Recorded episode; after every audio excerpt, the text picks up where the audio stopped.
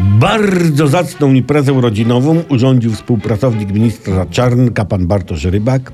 Grono dostojnych gości bawiło się w operze wrocławskiej. Najpierw była cyganeria Puciniego, później majteczki w kropeczki Świeżyńskiego, po chińsku, więc nie było to tamto. Było światowo, elegancko, z wyrazistymi elementami luksusowego blichtru.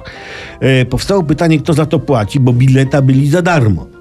Podobno jest wniosek o odwołanie dyrektor opery pani Ołdakowskiej.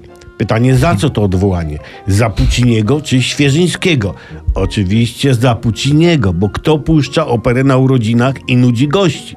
Można fragment, nie wiem, arię Cyrulika Sewilskiego z Wesela Cygara, czy tam Połykacza Pereł, nie pamiętam dobrze, bo na Madame Butterfly wtedy byłem.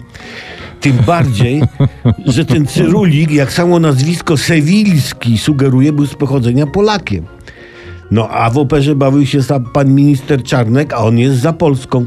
W sumie wystarczyło gościom czekającym tam na piciu, piciu i papu, papu powiedzieć, że coś takiego jak opera Puciniego istnieje i by im wystarczyło. Taka krótka, zwięzła informacja, bez tam życiorysu, treści i tak dalej, tylko że jest. No i oni wtedy jest, okej, okay, po co drążyć temat? Bartuś polej, bo ochocze gardła stygną.